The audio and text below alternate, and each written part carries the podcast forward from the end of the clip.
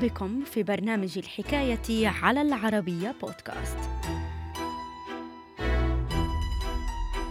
الطفل جان بابتست سبيدو واحد من الأناركيين الذين قادوا العديد من محاولات الاغتيال بأوروبا مطلع القرن العشرين تفاصيل الحكاية في مقال للكاتب طه عبد الناصر رمضان بعنوان طفل حاول قتل الملك البريطاني وتسبب بأزمة بين بلجيكا وبريطانيا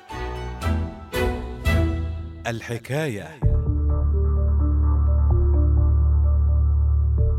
ما بين أواخر القرن التاسع عشر ومطلع القرن العشرين اهتزت أوروبا على وقع العديد من الاغتيالات السياسية التي قادها نشطاء أناركيون لا سلطويون لأسباب مختلفة.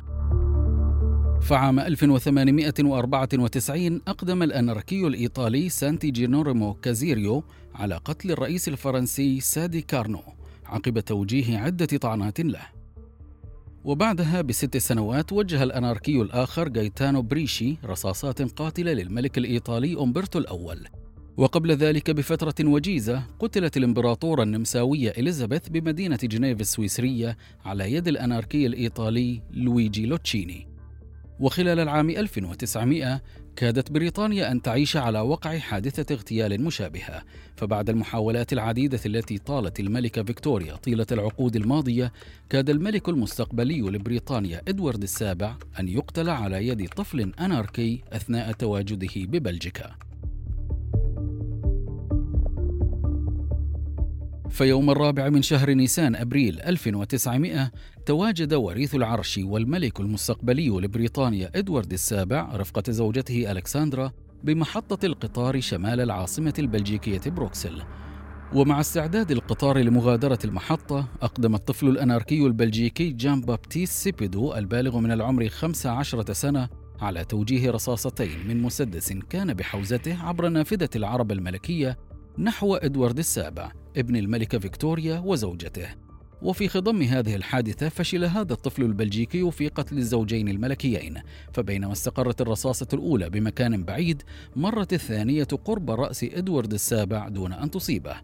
وعلى عين المكان أقدم رجال الأمن بالمحطة على اعتقال جان بابتيست سيبيدو عقب تجريده من سلاحه. وأثناء فترة التحقيق معه أعلن سيبيدو مسؤوليته عن محاولة الاغتيال الفاشلة. وبرر فعلته باستيائه من حرب البوير الثانية بين البريطانيين والبوير ذوي الأصول الهولندية بجنوب القارة الأفريقية التي انتهت بانتصار بريطانيا عام 1902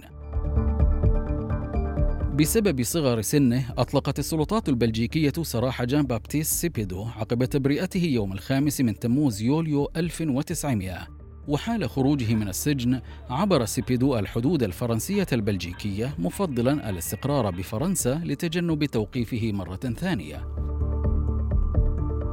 أسفرت عملية تبرئة جان بابتيست سيبيدو عن أزمة دبلوماسية بين بريطانيا وبلجيكا حيث عبرت بريطانيا عن غضبها. ولتهدئة الوضع وعد الملك البلجيكي ليوبولد الثاني البريطانيين بفعل ما بوسعه لإعادة سيبيدو لبلجيكا ثانية من أجل إعادة محاكمته.